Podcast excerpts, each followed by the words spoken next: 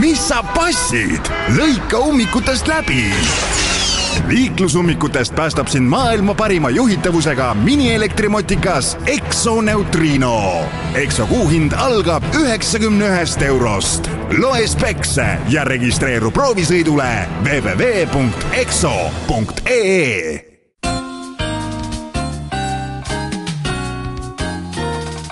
pressiklubi. Tere, head kuulajad! ülemöödunud nädalal otsustas Euroopa Inimõiguste Kohtu suurkogu eh, Delfi kaasuse raames, et ajakirjandusväljaanne vastutab oma lehele postitatud kommentaaride eest. selle otsuse valguses vestlevad sõnavabadusest, anonüümsetest kommentaaridest ja meedia rollist Eesti Rahvusringhäälingu nõunik Andres Jõesaar, tere! tere! ja ajakirjandusõppejõud Mart Raudsaar Tartust. tere päevast! tere! Saadet juhib BNS-i ajakirjanik Huko Aaspõllu ma alustaksin näiteks sellest, et et kas sõnavabadus on siis saanud äh, otsustava löögi Eestis selle otsuse raames? Mart? no sõnavabadusega on nõnda, et me peame teda iga päev kaitsma. E, me ei saa öelda, et me oleksime naasnud Nõukogude ajastusse, kus inimene, kes avaldas oma arvamust ükskõik kus, viidi ida poole, aga ma ei näe, et see viiks meid äh, edasi selle ideaalse olukorra poole, kus igaüks võib vabalt äh, oma arvamust avaldada. et me oleme siis nii-öelda läinud äh, tagasi mitteideaalse olukorra poole, sammuke tagasi.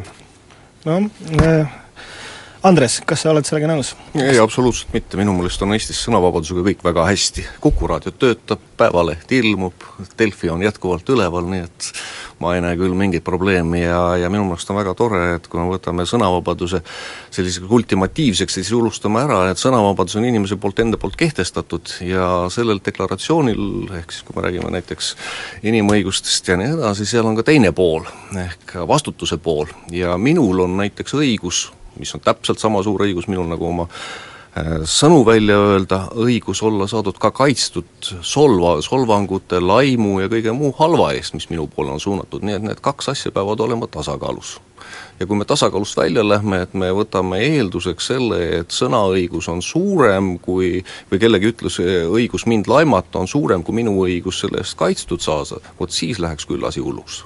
siis me jõuame juba sellesse vägivallamaailma, kus me vaimsest vägivallast enam üldse ei hooli et vaimne vägivald on lubatud, kuna rääkida võib kõike ja ma arvan, et järgmine samm sellest oleks ka juba füüsilise maailma liberaliseerimise poole, et kui ma sõnadega võin teisele inimesele väga haiget teha, et siis tänasel hetkel kätega noh, kõik saavad aru, et kallale-minek ei ole väga ilus. aga ma arvan, et mõningale inimesele võib sõna teha veel rohkem haiget, kui talle korra vastu lõuga anda. nii et siin ei, ei, minu meelest on Eestis praegu asjad hästi ja on ka Euroopas asjad päris hästi enamuses riikides aga noh, siinkohal me ju ometigi ei räägi sellest, et keegi vastutaks nende kommentaaride eest, lihtsalt küsimus on, et kes vastutab. et no ikka see, kes raha teenib. no vot no on... vot mind nüüd see argumentatsioon väga sügavalt äh, hämmastab, sellepärast et esiteks sõnavabaduse eeldus ei saa olla majanduslik huvi ei ole vahet, kas äh, sõnavabadust viljeleb äh, jõukas või vaene inimene või organisatsioon või firma. absoluutselt. ja, ja, ja mind hämmastab, oota, luba, mind hämmastab ka see argumentatsioon, et nüüd nagu oleks midagi viga olnud sellega, et me ei saa laimavate või halvustavate kommentaaride suhtes mitte midagi ette võtta, ega selles mõttes see kohtuasi mitte midagi ju tegelikult ei muuda oli võimalus anda, anda enne kohtusse ja on võimalus ka jätkuvalt anda kohtusse, mis on probleem, on probleem, et see kohtuotsus noh, minu meelest legitimeerib sellise enesetsensuuri see ei ole üldse tõsi, seepärast et see ei ole Miks? mitte esimene kord, sest näiteks Saksamaa ja Belgia ja Google'i need kohtu case'id on juba ammu enne Eestit olemas olnud. miks siis Eesti kohtu case, mis kinnitab varasemat kohtupraktikat, on midagi väga erilist? ja see, mis puudutab enesetsensuuri, see on juba ajakirjanduse hoopis sise, sisemine teema. et on ju neid uuringuid, teaduslikke uuringuid, mida sa, Mart, väga hästi tead, kus ajakirjandusettevõtted ise kehtestavad endale tsensuuri. näiteks mingisugused ajalehed, kes sõltuvad reklaamituludest, ei kirjuta kriitiliselt suure suurest reklaamiandjast ja nii edasi, nii et noh, selline jutt, et ajakirjanduse enesetsensuur tekkis tänu Delfi kohtuasjale, see on no, ei, ei, ta on ikka inimloo, inimkonna ajaloo algusest olemas olnud, aga küsimus on, kas see kohtu case praegu seda toetab või vastupidi, edendab sõnavabadust. aga mis puutub Saksamaasse, siis tegelikult Saksamaal on kohtuasju mis äh, räägivad hoopis vastupidist keelt interneti küsimustes ja kui me vaatame seda Strasbourgi otsust, Inimõiguste Kohtu otsust laiemas rahvusvahelises kontekstis, siis me ju näeme seda, et ta on vastuolus nii ÜRO Inimõiguste Nõukogu raportitega, Euroopa Liidu kohtu otsustega, mis muide otsustab Euroopa Liidu õiguse üle, Strasbourgi inimõiguste kohus ei ole Euroopa Liidu õiguse kohus, ja ka tegelikult kohtuasjadega mitmetes Euroopa riikides, sealhulgas nimetatud Saksamaal, et äh, ma, ma näen siin niisugust õiguslikku konflikti, mis tähendab, et selle küsimuse, selle teema juurde, kuna tehnoloogia areneb. Ja tehnoloogia arengut me purki ei topi, me, me tuleme kindlasti tulevikus tagasi. Äh, jah, ma olen sinuga nõus, aga äh, Andres, et see enesetsensuuri koht on võib-olla isegi mitte nii otseselt see meedia enesetsensuur, kuivõrd kommentaariumite tsenseerimine et äh, profülakti... mitte tsenseerimine, vaid toimetamine, et ega me oleme nagu täpselt sõnadesse, mille, mida me kasutame, et tsensuuri kehtestamine on midagi muud. tsensuur on hoopis miski muu termin. et kui me räägime sellest, et ajakirjandus, kui me räägime ajakirjandusest üldse, et kui sellisena, ajakirjanduse üheks põhiliseks olu-, oluliseks osaks on toimetamine, toimetusvastutus ja tekstide eest faktide ja kõige selle sisu eest vastutamine, et kui me tahame öelda, et ajakirjandus on Eesti jaoks oluline või maailma jaoks oluline, siis me ei saa kuidagi mööda toimetuse vastutusest, vastutusest, toimetamisest ja nii edasi, ajakirjandus ei tähenda seda, et ükskõik, kes ükskõik millised tekstid teele sinna saadab, et ajakirjandus sellega avaldab. mitte mingil juhul ei ole see niimoodi. just nimelt just nimelt ja ma väidan, et me ei saagi ühele pulgale panna toimetuse tööd, toimetuse poliitikat ja seda, mis toimub internetis, blogosfääris ja mujal. Et nad omavahel puutuvad kokku, üks kokkupuutepunkt ongi kommentaarium, ma ei saa väita, et me paneksime nüüd samasugused reeglid kehtima kommentaariumis, mis peavad kehtima toimetuspoliitikas, toimetuse ruumis jah, aga tänasel hetkel on Delfi ja Postimees, on oma toimetused, on ka nad ise kinnitanud, et toimetuse üheks osaks ja, ja toimetuse üheks eesmärgiks on see, et inimesed kirjutaksid ise kommentaare sinna juurde. Nemad panevad uudisloo üles ja otsivad sealt inimeste tuge, et see tegevus, see ajakirjanduslik tegevus või sisu, sisu arendamise tegevus edasi areneks. ei saa ära lõigata ja öelda, et kommentaarium ei ole selle toimetuse üks osa. seal inimesed töötavad seal, nad saavad palka selle eest, nad sellega toimetavad, nii et see on üks terviklik ja see on ka selle kohtuotsuse üks põhiline argument või õigemini ainu, ainukene argument, mida siis meie Eesti riigi kohtuinstitutsioonid äh, välja käisid ja millega siis Euroopa Kohus nõustus, on see, et ei saa öelda seda, et ma küll panin selle keskkonna püsti, minu inimesed seal küll töötavad, mina küll kehtestasin need reeglid, aga ma ei vastuta selle sisu eest. no see ongi probleem. aga vaata, see on, mõnes mõttes see on hästi selline äh, noh, see piir on hägustumas kogu aeg. et Postimees ka näiteks paneb äh, oma noh, linke oma artiklitele üles iseseisvalt ka Facebooki ja Twitterisse, noh, sotsiaalmeediasse ja, ja noh, samuti nendesse ähm, keskkondades on võimalik neid artikleid kommenteerida, et kas näiteks Postimees peaks ka vastutama, mida kirjutatakse noh, tema Facebooki lehele või? see on hea küsimus jah, et kui Postimees hakkab sinna reklaami müüma, see oleks juba päris huvitav see oleks, kindlasti on see üks selline äh, mõttekohti, et et kui kaugele me mingisuguse regulatsiooniga üldse minna saame, et kõige parem oleks selle, kui tekiks ajakirjanduse sisene regulatsioon ja lepitakse kokku, et ilmselgelt inimesi solvavaid või laimavaid või taolisi tekste lihtsalt ei avaldata. meediaettevõtete puhul oleks selline kokkulepe olemas ja, ja kui nii oleks käitutud, siis ei oleks tänast probleemi üldse olemas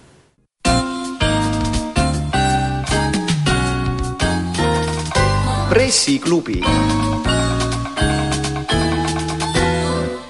jätkame Pressiklubi saatega, eetris Mart Raudsaar ja Andres Jõesaar.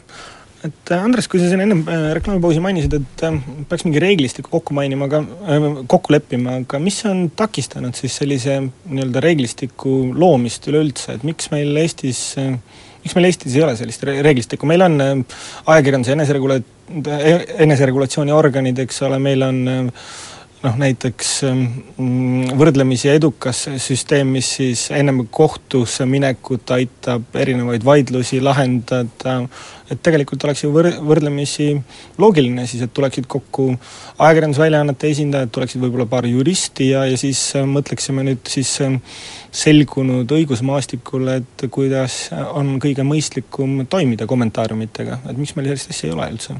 see küsimus on tegelikult Mart Raudsaarele suunatud, et tema on selle ala spetsialist. Mart? Mm, ma tänan komplimendi eest, et äh, ma ei näe nagu probleemi, et meil on üsna hästi toimiv ajakirjanduse eneseregulatsioon ja siin pressinõukogu, mis on saavutanud üha laiemat ühiskondlikku kandepinda, noh, ma ei näe, ma ei näe probleemi praegu. aga Mart, et kas sinu jaoks on nagu selge, et ähm, mis tüüpi kommentaar siis ähm, noh, see praegu võiks olla äh, piisav, et kohtus, kohtus võiks tuua kaasa meediaväljaandele sellise kahjunõude või, või nõude või noh, kohustuse maksta siis äh, selle nii-öelda ohvrile? Mm, ma ei tahaks tuua ühtegi näidet, et ei, mitte ise langeda hagi, hagi ohvriks, aga äh, ma nagu tulen korraks natuke sammu tagasi, et minu meelest ei ole siin probleem anonüümsetes kommentaari, kommentaarides pelgalt mm. -hmm. kuna tegelikult ju laimavaid kommentaare väga kenasti on eemaldatud, modereerimine toimub no notice and take down, ehk siis äh, anna teada ja see eemaldatakse, kommentaar, äh, see süsteem toimib väga kenasti, probleem on nüüd pigem ikkagi selles, et keskkonnaomanik hakkab vastutama keskkonna sisu eest, küsimus ei ole ainult Delfist. interneti keskkonnaomanik hakkab vastutama sisu eest, mida teevad kolmandad osapooled, kes kasutavad tema platvormi kommunikatsiooni eesmärgil.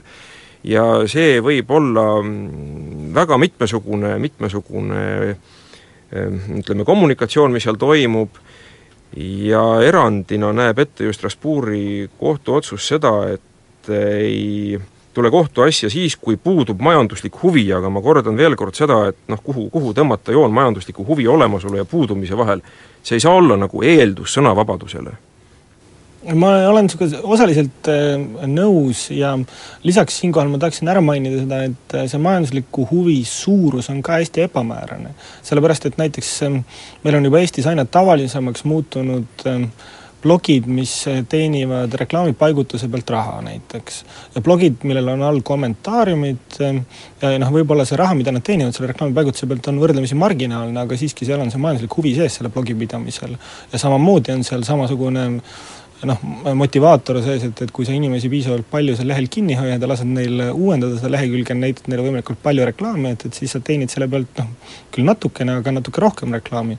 näiteks, et kas blogid ja kommentaariumid, mis siis sellised on, et, et kas nad nüüd justkui ka vastutavad, vastutavad selle sisu eest, kas see blogipidaja vastutab selle sisu eest või vastutab näiteks see teenusepakkuja, kus seda blogi üleval peetakse või, või ei no see kohtulahendil on väga selge, et teenusepakkuja, mis pakub serveriruumi, ei vastuta, et see, see ma ei vaid... mõtle siin serveriruumi pakkujat, ma mõtlen näiteks noh, need blogikeskkonnad, mis meil on Just. olemas. jah, aga see, kes oma blogi peab, see ka selle eest vastutab.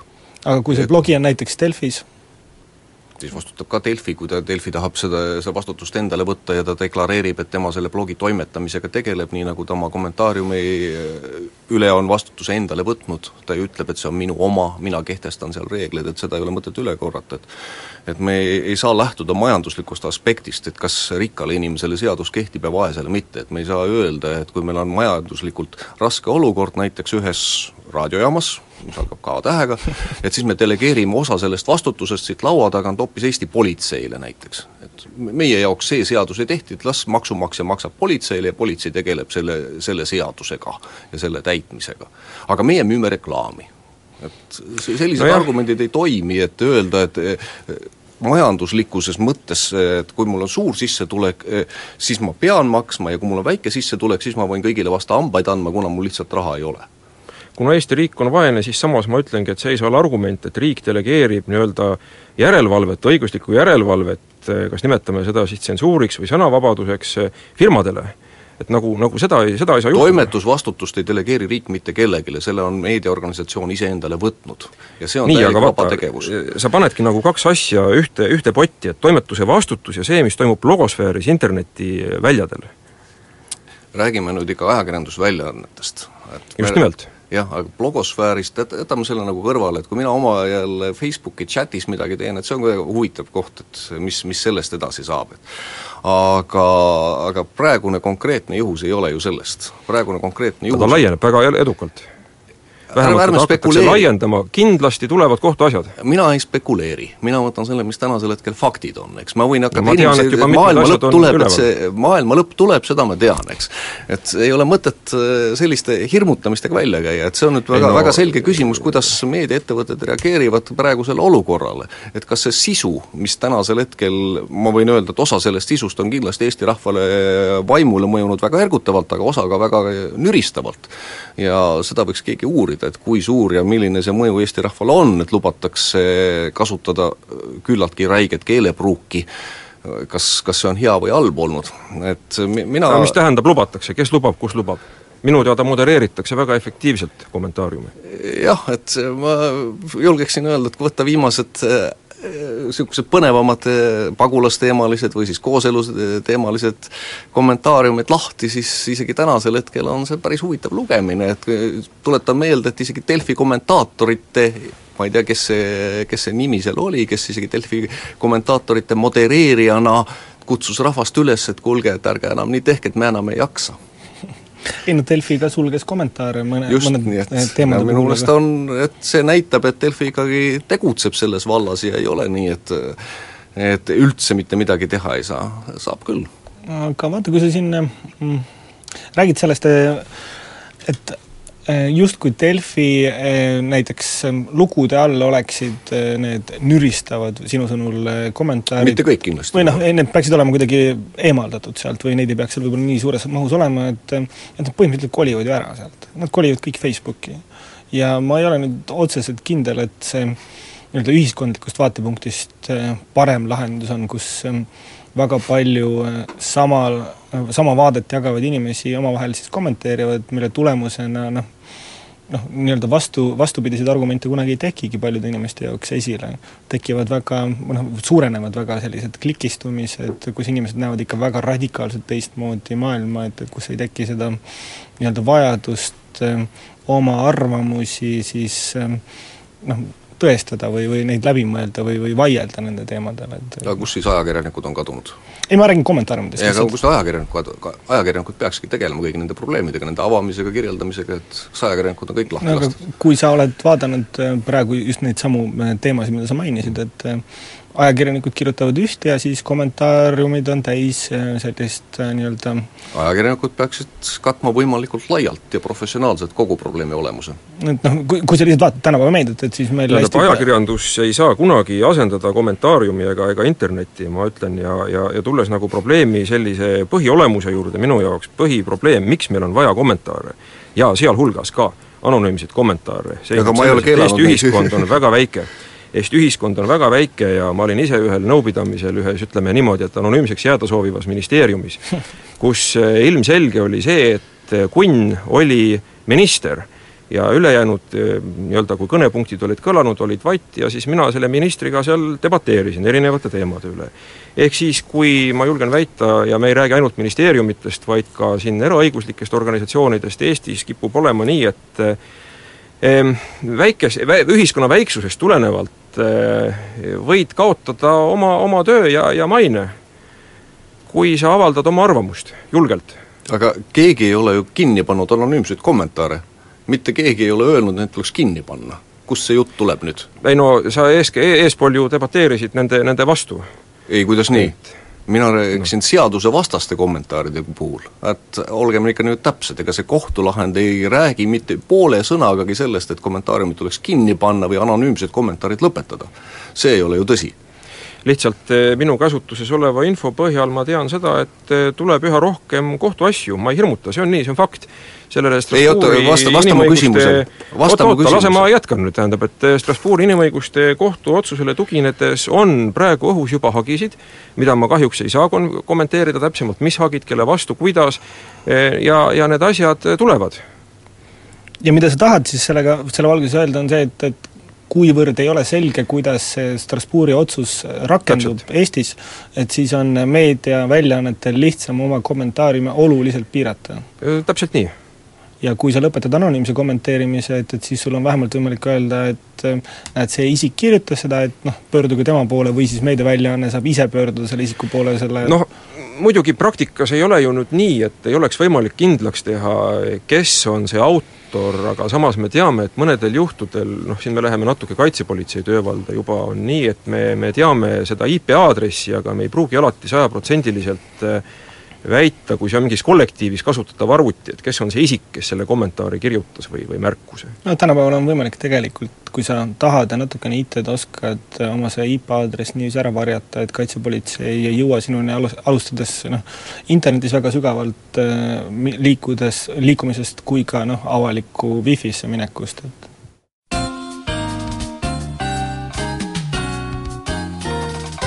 pressiklubi jätkame siis saatega, eetris Rahvusringhäälingu nõunik Andres Jõesaar, ajakirjanduse õppejõud Mart Raudsaar ja BNS-i ajakirjaniku kaaspõllu. Kui me nüüd ennem rääkisime pisut anonüümsete kommentaaride keelamisest ja Andres, sa ei nõustunud sellega, et anonüümseid kommentaare tahetakse keelata ja Mart väitis, et, et seal on nagu teatav aspekt sees, mina näen ka seda nagu natukene võib-olla sellena, et mõnede Eesti meediaväljaannete jaoks muutub mõistlikumaks kommentaariumide noh, üleüldse kinnipanek või siis eh, vähemalt anonüümsete kommentaaride keelamine, sellepärast et eh, ei ole ressursi efektiivne neid modereerida, neid jälgida pidevalt, hinnata, kas mingi asi on sobiv või mitte, kas mingi asi peaks olema üleval või mitte, et noh, see, see on see aspekt, seal on see mm, nii-öelda kommentaaride või anonüümsete kommentaaride keelamise koht sees noh, lihtsalt rahaliselt no, rahaliselt, ma jälle kordan vist kahjuks juba kuuendat korda seda üle, et minu meelest see ei ole õige aspekt, et kui ajakirjandusettevõttel ei ole raha, et maksta ajakirjanikule, kes suudaks professionaalset artiklit kirjutada või et tal ei ole toimetaja, kes suudaks seda artiklit toimetada, no ärgu tegelege ajakirjandusega, et Eesti riik ei ole selle kohustust peale pannud no ja see... mina kordan kuuendat korda, et ei saa panna kommentaariume samale pulgale ajakirjandusega, et see ei ole no, ajakirjandus. no paraku ta on, ta on üks osa selle meediaettevõtte tegevusest ja siin on, seda on ka Delfi ise nõustunud, oma kohtulahendis on ta kirjeldanud, et ta tõepoolest sellega tegeleb, et ma ei tahaks seda ka üle kordama hakata, et et ma ei hakka ümber lükkama seda, mida Delfi ise on enda kohta öelnud ja igaüks, kes Delfi lahti näeb, siis ka näeb, et ka Delfi selle eest vastutab ja, ja nõuab tingimusi, mida tuleb täita ja nii edasi. et see majanduslik aspekt eh, selle juures äh, ei ole argument, et me siin reklaamipausi ajal ma ütlesin, et ega siis äh, võiks ju teha küll niimoodi, et kui ajakirjanikel on palk väike, mis tõepoolest vastab ka suuresti tõele, et võiks ju kehtestada eraldi reeglina, et nad võivad poest näiteks tasuta kaupa kaasa võtta või restoranisse pakkusid, et nad võiks tasuta süüa saada, et supiköögist või nii edasi. must, must huumor, aga, aga mis ma tahan öelda, et kaks asja on ikka totaalselt sassi aetud, öelda, et, et see kohtuotsus on keelanud või kuidagi piiranud anonüümseid kommentaare, see ei ole tõsi. see rääkis sellest, et avaldati seadusevastast teksti selles on küsimus ja kes selle teksti äh, avaldamise eest vastutab. isegi millist selle... seadusevastast teksti? millest me räägime? me räägime sellest samast kohtulahendist, et seadusevastast teksti, millise seadusevastast teksti? kuule, kas ma hakkan nüüd ette lugema sulle seda või? Võta, ei, ma tahaks aru saada, mis tekstist sa räägid, mis oli seaduse vastu? riigikohus tsiviilkolleegium kohtuotsus kolm kaks üks neli kolm null üheksa, Tartu kümnes juuni kaks tuhat üheksa, et ma ei hakka seda siin pikalt ette lugema ja kui sa selle võtad, siis seal on väga selgelt üldiseks käibekohustuseks on ka tegutsemine oma õiguste teostamisel kooskõlas heausu põhimõtetega heausu põhimõttest tulenevalt on keelatud kahjustada oma tegevusega teisi isikuid. ehk et siis väga selgelt on Eesti põhiseadusest juba tulenev see, et ei tohiks teisi inimesi laimata, laimata või neid surmaga ähvardada. nii, nagu nendes kommentaarides oli. Et kogu see case algas ju Leedu vastastest kommentaaridest, mis võeti maha, mis kustutati, aga juhin tähelepanu, et kolm... ega tegelikult ei hagetud ju, ega ka Leedu ei hagenud neid kommentaare. ta soovis, ta soovis, et pandaks võrdusmärk kommentaariumi ja ajakirjandust, ajakirjanduslikku sisu tootva jah, Delfi on üks, jah, tähendab, et seal ei olnud tegemist kahe ettevõttega, vaid oli ühe ettevõttega, et jätaks selle asja ka nüüd meelde. ja see, kui siin need aga ikkagi, mis tekstidest me räägime, mis on seadusevastased, selle kohtu näiteks, näit, kontekstis? näiteks see, et kuradi juut, paneme su ahju, et see on nüüd üks kommentaaridest, eks et selline tekst on seadusevastane, viha õhutamine ja nii edasi. aga kas ja seda hageti selle, selle ei, tähendab, muidugi, see oli üks kahekümnest, mis seal kirjas oli. ja lahutada Delfi kommentaariumit sellest, et ei ole kahe ettevõttega tegemist, kes oma tegevusest mitte midagi ei tea, et sellega ei ole mõtet välja tulla. ja see kohtu case oleks isegi sel juhul täiesti samamoodi pädev, kui igal kommentaaril oleks juures olnud inimene oma ID-le koodiga ja nimega ka sel juhul oleks ikka saanud ja ka tulevikus saab ikka hageda Delfit. Hoolimata sellest, et kui need kommentaarid oleks avaldatud täisnimega, nii et see anonüümsuse aspekti siia juurde toomine on täiesti jälle soga ajamine, see ei ole tõsi. see ei ole oluline, tähtis ta on see tegelikult et ähm, iseenesest kui Delfil on võimalik lihtsalt kindlaks teha, kes see kommentaari autor on, on võimalik isegi selles ei ole küsimus. et, et, et noh, ütleme Delfil siis, tal on tulevikus võimalik selle kommentaari autoriga, autorile nii-öelda omakorda kahjunõue esitada olukorras, kus ta on kaotanud äh, siis mõnele teisele isikule. no see on kogu aeg nii olnud. Jaa, aga seal on nagu see vahe sees, eks ole, et, et anonüümse kommentaari vastu Delfi ei saa nagu nii lihtsalt äh, pöörduda kahjutasu nõudes, aga registreeritud ja, ja noh, no see on tema valik. noh, ja muidugi on valik ja, ja selle, selles kohas me räägimegi anonüümse kommentaariumi surmast, on ju. ei miks, miks ega anonüümne kommentaar ei tähenda seda, et kõik tekstid, mis kirjutatakse, on seadusevastased? jaa, ei absoluutselt mitte, aga just, aga selle, see, et eh, see ei vabanda seda Delfit sellest, et kui ta avaldab seadusevastaseid tekste.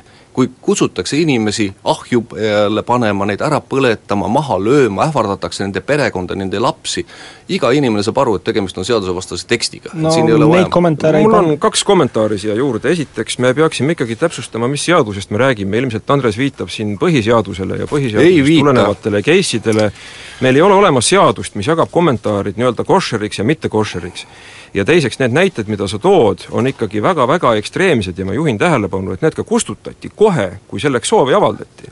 ja tegelikult see kohtuasi, mitte see soovi kohtuasi ei keskendunud nendele kommentaaridele, see kohtuasi keskendus hoopis teisele asjale, et kui keegi siin puru silma ajab, siis mina see küll ei ole. see kohtuasi keskendus kahekümnele kommentaaridele ja nende avaldajale. nii et kui Nendele konkreetsetele kommentaaridele ta ei keskendu. Ma olen seda materjali lugenud. mul on see ma-, materjal siin nina ees, et siin No praegused, et selles mõttes, kui sa tahad öelda, et ei olnud nendel kommentaaridel selle kohtuasjaga midagi pistmist, siis see on küll täielik soga. ja need kommentaarid ei võetud mitte maha toimetuse enda poolt, vaid poolteist kuud hiljem, pärast seda, kui sinna pöördusid advokaadid, et kujutage ette inimest, tavalist inimest, kellel puudub võimalus endale advokaat palgata. kus, mismoodi see asi peaks siis välja nägema?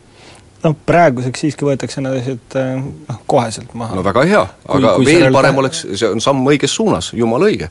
ja veel parem on, kui need võetakse enne maha, kui nad üldse üles lähevad. Et see Ja- oleks veel parem samm noh, meil on tänapäeval tegelikult online'ides äh, automaatseid filtreid, mis üritavad välja filtreerida, aga sellest hoolimata kindlasti lipsab igalt poolt asju läbi, et sa ei saa kunagi vältida. ma võin iseenesest ju konstrueerida väga vihaseid kommentaare, mis ei, lähevad ilusti filtritest läbi ja mis võib-olla isegi esmapilgul tunduvad ähm, noh, mitte nii, nii absurdsed, kui nad tegelikkuses on, et ma tahaks ühe näite tuua siia juurde veel ja see on see kuulus Paul Chambersi case kahe tuhande kümnenda aasta kuuenda jaanuari Twitteri kommentaarist, kus Chambers tahtis lennata Robin Hoodi lennuväljalt, kui ma õieti mäletan, hea nimi, siis oma naistuttavale külla oli erakordselt külm ilm, lennukid ei lennanud ja ta postitas väga vihase tweet'i, kus ta lubas muuhulgas ka lennujaama õhku lasta, kui see ennast kokku ei võta paar nädalat hiljem üks äh, ametikohuseid mittetäitev lennujaama tööline sattus sellele kommentaarile peale, politsei tuli Chambersile koju, komment-, konfiskeeris ära kõik tema, kõik tema tehnika, see asi läbis mitmeid kohtuinstantse, kuni lõpuks Briti ülemkohus otsustas, et Chambersil oli õigus seda öelda, mida ta ütles, see ei olnud vihakõne. Ja ma toon nagu selle näite selleks, et äh, me ei saa nagu eos ära võtta inimestelt võimalust avaldada oma emotsioone, mis ei pruugi olla vihakõne. Et ütleme, see väga väike üks protsent või null koma viis protsenti kogust, kogu sellisest kommentaariumi mahust on praegu toodud nagu kilbile põhjendusega, et me peaksime eos kinni keerama juba kõik selle ülejäänud värgi. keegi ei ole öelnud, et kõik, keegi ei ole seda öelnud, see on sinu meelevaldne tõlgendus, et kõik ülejäänud tuleb kinni keerata. seda ei ole mitte keegi mitte kuskil üheski kohtuinstitutsioonis mitte kunagi öelnud. ja see on täieliku jama ajamine, kui öeldakse, et nüüd tuleb kommentaarid kinni keerata. sellist juttu ei tohiks ajada aga ei no mis, kuule, ma võtan sinu enda artikli lahti, ma võin seda tsiteerida, kus sa siin räägid sellest ju, ma siin viitan artiklile kaheksateistkümnendast äh, septembrist kaks tuhat neliteist, kus sa ütled, et kui on vajadus, tuleb aken koomale tõmmata ja Just. hingamisväärset toasooja hoida. Just, rämps- rämps tuleb toast välja või?, ei, see on ajakirjanduse kui võimu vastutus. Muidugi, rämps tuleb toast eemal hoida, me tahame oma puhast eluruumi saada. Sita väljaloopimine sellest ei tähenda seda, et kogu tuba tuleks maha põletada. kes on see, kes otsustab, mis on ekskrement ja mis ei ole? vot selle üle peaks ajakirjanduses töötama professionaalid.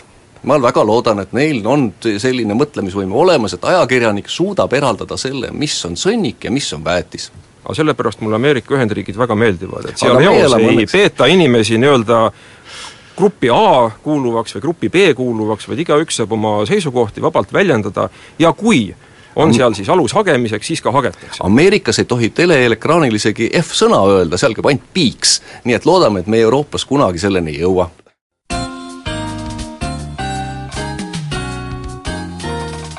pressiklubi jätkame siis Pressiklubi saatega, eetris Andres Jõesaar, Mart Raudsaar ja Huko Aspel üks aspekt, mida ma tahaksin selle, sellesama teema valguses rääkida, on tegelikult kohalikud ajalehed. et Eestis on äh, kohalikel ajalehtedel äh, kümmekond niisugust kohalikku ajalehte, millel on kõigil võrgu sellised väljaanded ja nende võrguväljaannetes on võimalik kommenteerida, need kommentaariumid käituvad natukene sellise noh, kohaliku kogukonna äh, noh, mõtteavaldustega, et kuidas sul sama piirkonna elanikud siis saavad selle kohaliku ajalehe võrguväljaande peal rääkida äh, omavahel omavahelistest asjadest, aga noh, me saame kõik aru, et kohalike vä-, väljaannete toimetused on väikesed, raha seal eriti ei liigu, et seal noh, need on niisugused ähm, suuresti missioonitundest tehtavad asjad, et äh, kui me nüüd mõtleme välja olu, olukorrad, kus, kus tegelikult ähm, saab äh, suvaline inimene minna nüüd äh, ja, ja kirjutada solvavaid kommentaare selles äh, kohaliku ajalehe võrguväljaandes ja siis keegi teine saab nende eest sellesama väljaande kohtusse kaevata, põhimõtteliselt tulemiks on see, et meil ei ole kohalikes oma, kohalikes ajalehtedes enam kommentaarimisvõimalus, et, et kas see on nagu see, mis on hea või? kindlasti mitte, aga ma ei näe ka kuidagi võimalikku sellist, et tänu sellele, et kommentaariumites saaks seadust rikkuda, läheks Eesti ajakirjandusel paremini. nagu sul on võimalik seadust rikkuda ükskõik kus aga Eestil ei lähegi paremini, kui seadusi rikutakse. et, et on... kui meil kuskil külas ei ole enam konstaablit, eks, et siis kohalikud pätid võivad kõigile pasunasse anda. arvan, et ei ole päris hea lahendus.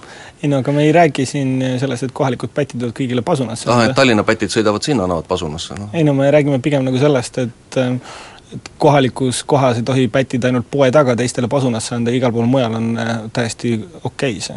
miks? ma just vastupidist räägin. no ei, no ei ole ju vaata, et kui me mõtleksime nüüd äh, selle kohaliku ajalehe kommentaariumi asemel sinna ühe kohaliku foorumi või, või Facebooki grupi eh, Haapsalu elanikud, et, et seal on nagu pasunasse andmine täiesti aktsepteeritav, aga, aga noh ei, kindlasti mitte, ma arvan, et eh, see, et öelda, et Facebookis võib eh, kedagi solvata rahvuslikul või usulisel põhjusel või nii edasi, see ei ole tõsi. tähendab, Eesti seadused kehtivad ka Facebooki jaoks ja,, aga minu jaoks on väga huvitav, et kuidas hakatakse neid rakendama, et see on täitsa põnev sinu hinnangul siis saaks ähm, solvava kommentaari ülesriputamisest Facebooki, keegi Facebooki hageda Eestis või? et see oleks päris huvitav teada saada, aga täiesti kindel on see, et Facebook ei saa olla selliseks kaitsekilbiks või et me tohime hakata siin Eesti seadusi või Euroopa seadusi rikkuma. kindlasti mitte, ei saa olla tehnoloogiline keskkond selleks äh, ettekäändeks, et oi, et see on midagi taolist ja siin me võime teha kõike seda, mida Eesti seadused küll keelavad, aga meile lihtsalt meeldib teha. Aga ma juhin tähelepanu sellele, et me ei saa rääkida siin ühtsetest Euroopa seadustest selles kontekstis, mistõttu me kindlasti tuleme selle küsimuse juurde tagasi, kuna tehnoloogia arengut ei ole võimalik, ma kordan, purki toppida ma olen nõus, et ei ole võimalik purki toppida, tegelikult Facebookis ähm, vähemalt senini toimuv on suures osas ikkagi väga anarhiline. no nagu viimased äh, muutused on ju ISISega seotud, siis järjest pannakse kinni chat-room'e ja neid klubisid pannakse kinni küll, nii et kui tahetakse sekkuda, siis ka ülemaailmselt seda tehakse. jaa, aga see on äh, Facebooki enda äh, teatud reglementatsiooni vastu eksimine, et küll pannakse ka kinni Eesti päritolu äh, noh, selliseid viha levitavaid Eesti päritolu, ISIS on üle maailma? ei, ma räägin Eesti päritolu viha levitavaid gruppe, noh, mida on ka Facebookis tegelikult tekkinud ja, ja mida on suletud, et et noh, rassilistel kaalutlustel viha õhutamine on, on või, või seksuaalsete eelistuste kohaselt on Facebookis keelatud nende enda sisemiste reeglistike järgi, aga jah, Facebook jälgib seda, mis on ülemaailmselt kehtestatud. aga, aga noh, teisalt jällegi näiteks Facebookis avaldatud reklaami pealt Eestis makse ei maksta et selle noh, seda ei ole suutnud keegi siin noh, ühte või teistpidi korda ajada.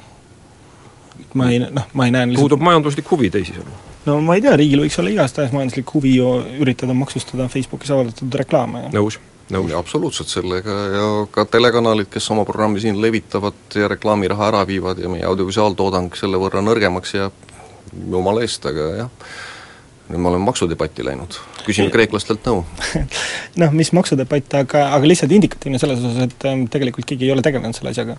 et kuidas, ähm, kuidas ühte või teistpidi äh, peaksid rahvusvahelistest kor-, korporatsioonidest äh, noh, saama raha kätte või panema Eesti seaduseid maksma, noh rääkimata ähm, siis äh, sinu viidatud viha õhutamisesse.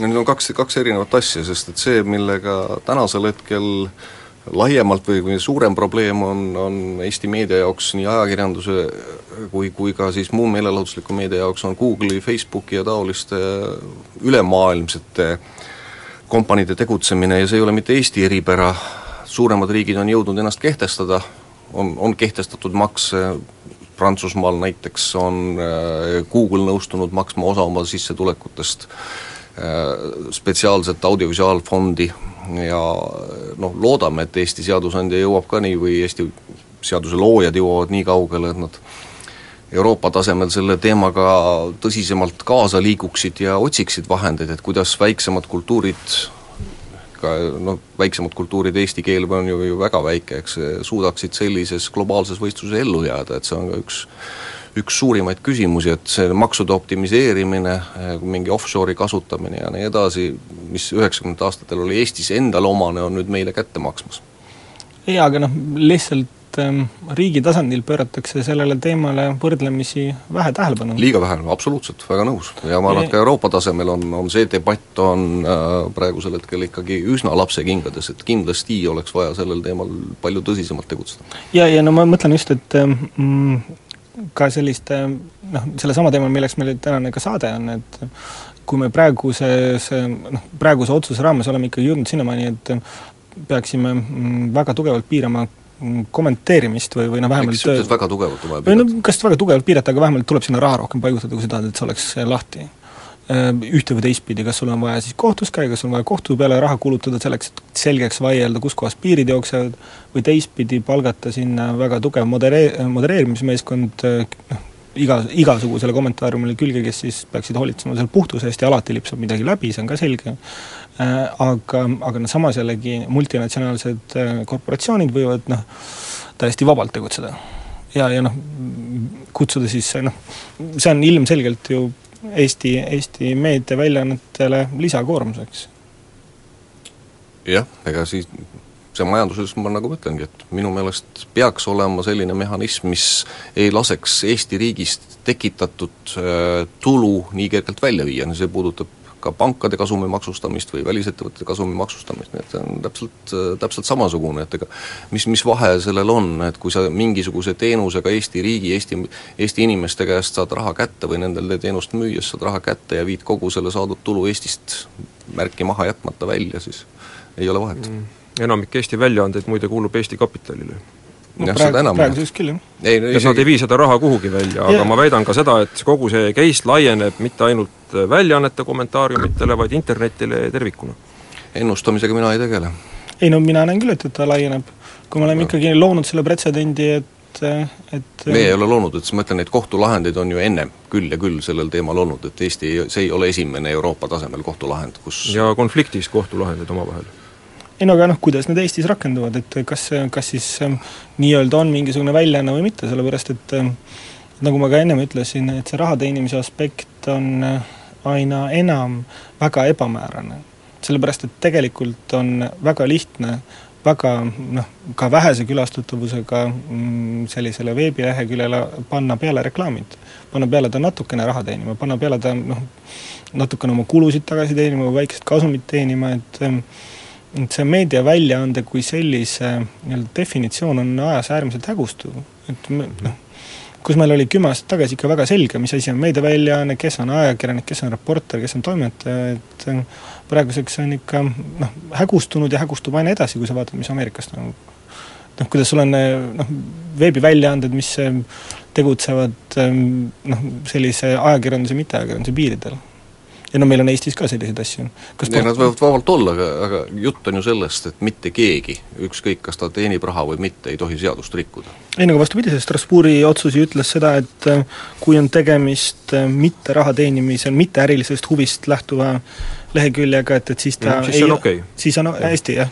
et siis ta ei pea vastutama nende kommentaaride eest, et siis vastutab nende autor et vastu, ja kui on äris nüüd meil äriga... kahjuks, kahjuks ei saa sellesse sisse minna, sest nüüd aetakse kaks erinevat asja tegemini, üks on jälle infoühiskonna teenused, millest seal jutt on, eks, ja, ja teine asi on siis see Delfi kaaslus, nii et see osa tasuks täpsemini läbi lugeda, see ei ole sellest Tras-, Strasbourg ei räägi sellest, et tasuta võib vihakõnet kõik levi-, keegi levitada. ei no vihakõnet ei või keegi levitada, aga jutt on ju vihakõnest. noh, küsimus selles, et kes vastutab selle levitamise eest. et ähm, ja see Strasbourgi otsus ütles, et ähm, kui on ärilise suure ärilise ettevõttega tegu, et siis vastutab ei olnud, see kontekst oli selline, et ta vabastas vastutusest telekomid, kelle serverites mingisugust materjali hoitakse. Nende puhul et nemad ei müü seda teksti edasi, see oli nende punt. no seda point. ka kindlasti, et sul on, see on pikalt universaalselt olemas, aga kahtlustan, et siinkohal me vist peame saate ära lõpetama, et äh, aitäh kirjutage häid kommentaare, täiesti anonüümselt, siiani lubatud. saatekülalistele ja Mart sulle Tartus ja, ja kõigile kuulajatele, saadet saab järgi kuulata Kuku raadio kodulehelt, aitäh!